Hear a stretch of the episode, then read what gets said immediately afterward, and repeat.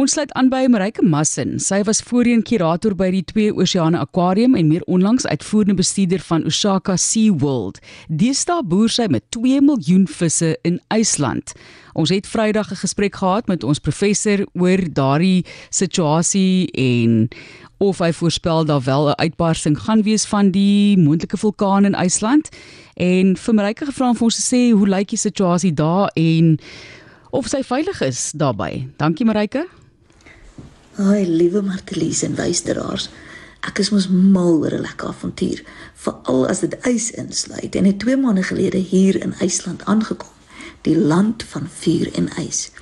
Min het ek geweet dat hierdie avontuur sal oorslaan na erge aardbewings, huisontruim en vissery. Ek was in IJsland in Maart vanjaar en was juis na die mees onlangste vulkaan wat baie naby aan Grindavik is. Die vulkaan was ongeveer 800 jaar terug aktief in die area. En in 2021 en 2022 was dit groot nuus met die uitbarstings wat beskryf word as toeriste vulkane. Dis heel veilig en lekker om af te neem. Omtrent die 25 Oktober het ons 'n paar groot aardbewings begin voel in Grindavik. Dit voel en klink amper asof 'n groot stoomroller reg by jou verbyry. Hierdie was tekens dat 'n moontlike toeriste uitbarsting op pad is maar die aardbewings het groter en meer gereeld geraak. Een vroegoggend het die huis seker vir 3 ure aanhoudend geskud met meeste van hierdie aardbewings bo 2.5 en 3 en selfs op 4 op die Richterskaal. Ek boer mos met vis hier in IJsland. So ons het gehoop dit sal die visse nie te veel affekteer nie, maar dit was duidelik dat mense heelwat meer bekommerd was as die visse in die begin. Toe kom die 10de November.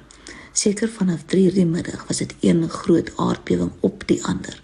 Omtrent teen 6:00 het ek besluit ek gaan nou maar die kantoor verlaat want ons is in 'n dubbelverdieping gebou en die hele gebou het rondgeskit. Ek het toe in die buurt gaan stap en alles het beweeg. Ek dink ek ek het gelyk soos 'n dronk persoon wat probeer straat afstap. Ek sien toe dat omtrent almal in 'n grindeweg hulle motors pak om weg te kom. Maar op hierdie stadium was daar nie ontruimingsinstruksie nie maar dit is nogal ongemaklik om in sulke erge skittings te sit.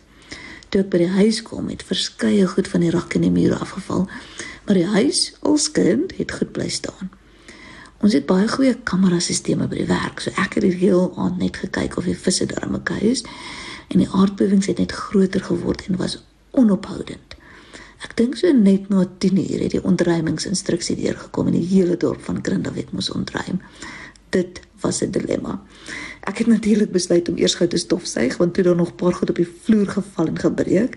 En dan hoe pak 'n mens 'n tas vir ontruiming? Wel, ek het verseker nie ordentlik ingepak nie en dra nou al vir 'n week lank drafklere in 'n sweetpakbroek. Teen middernag was omtrent almal uit die dorp en die reddingsdiens het seker gemaak almal kry die boodskap. Dit was baie kalm. Al skuddend het almal verlaat. Ons moes ook notas op die deure sit om te sê ons het ontruim. Ek was gelukkig en kon in 'n leefwoonstel gaan oorbly in 'n kollega se woonstel gebou. So nou kamp ek al vir 'n week op 'n opblaasmatrasie in Keflavik, 'n nabygeleë dorp. En baie mense is ook gehelp deur die Rooi Kruis. Ons grootste bekommernis was natuurlik die visse. Die visplaas is net buite Grindavik en ons moes baie spesiale toestemming kry van die polisie om plaas toe te gaan en te gaan kyk hoe alles lyk. En dit was woes. Ons het 'n reuse groot sementtank en 'n paar van hulle het gekraak en begin lek. Ons moes 'n plan maak om visse te skuif en water te pomp en toe natuurlik gaan elektrisiteit af. So ons moes vir amper 4 dae hardloop op kragopwekkers wat natuurlik elke 8 ure hervul moet word met diesel. Ek stink nog steeds soos diesel. Maar daarom het ons omtrent 2 miljoen visse aan die lewe kon hou. Die plaas het 'n klomp ekstra krake en kraters, maar ons kap aan. Met spesiale toestemming kon ons ook begin om van ons personeel terug te kry om te kom help. Die logistieke rondom plaasbestuur tydens 'n ramp is net so woes. Trokke moet kom suurstof en viskos aflewer. Maar daar is nou net een pad wat gebruik mag word en natuurlik nog vele toestemmings gevra word weer eens. En die pad self het twee groot ineenstortings gehad wat spoedig reggemaak moes word.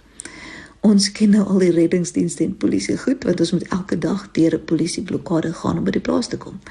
Die owerhede was tot dusver baie behulpsaam om te help met reëlings en die mense in IJsland en in ons industrie bied oral hulp aan wat wonderlik is om te beleef. Die groot vraag bly: wanneer en waar gaan die vulkaan begin lek of uitbars? Die in hier in IJsland het almal verskillende opinies en ek het eintlik nou op 'n nuus lees en fokus nou maar eendag op 'n slag net om die visse te versorg. Ons is ook gelukkig met die weer tot dusver en lekker warm 4 tot 6 grade meeste dae.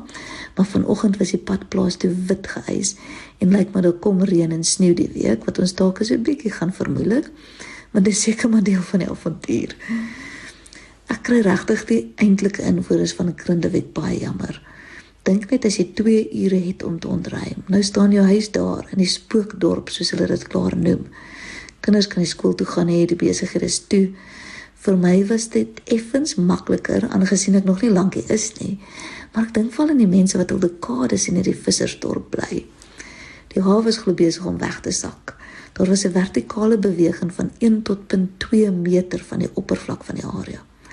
Die IJslanders is ook baie gaande oor hulle diere en dit was nog 'n groot uitdaging om die IJslandperkies en skape en hoenders te kom ontruim. Dis nou net die visse wat uithou met al die skittings vir nou en ons klomp op die plaas. Ek sal julle op hoogte hou. Elke dag bring 'n nuwe probleem of 10 wat ons daarom tot dusver kon hanteer. Maar IJsland bly nog steeds ongelooflik. Vanmiddag laat het ek gaan draf en 'n huis van 'n reus raak geloop. Dit is 'n grot met 'n reuse groot stoel en 'n bed. Die IJslanders glo mos in mitiese kreature soos elwe en reuse en trolle. So daar is 'n bietjie afleiding tussen die stres maar hopelik kom dinge tot bedaring. Maar iewers sal die vulkaan moet uitspoeg en ons hoop regtig dat dit nie sal onaard en skade nie, maar 'n nog 'n toeriste vulkaan. Baie dankie. Daardie vertelling dan van Marike Massin voorheen hier van die Twee Oseane Aquarium toe was sy by Osaka SeaWorld die uitvoerende bestuurder en boer sy nou met 2 miljoen visse in IJsland. En soos wat sy gesê het sy sal ons op hoogte hou van sake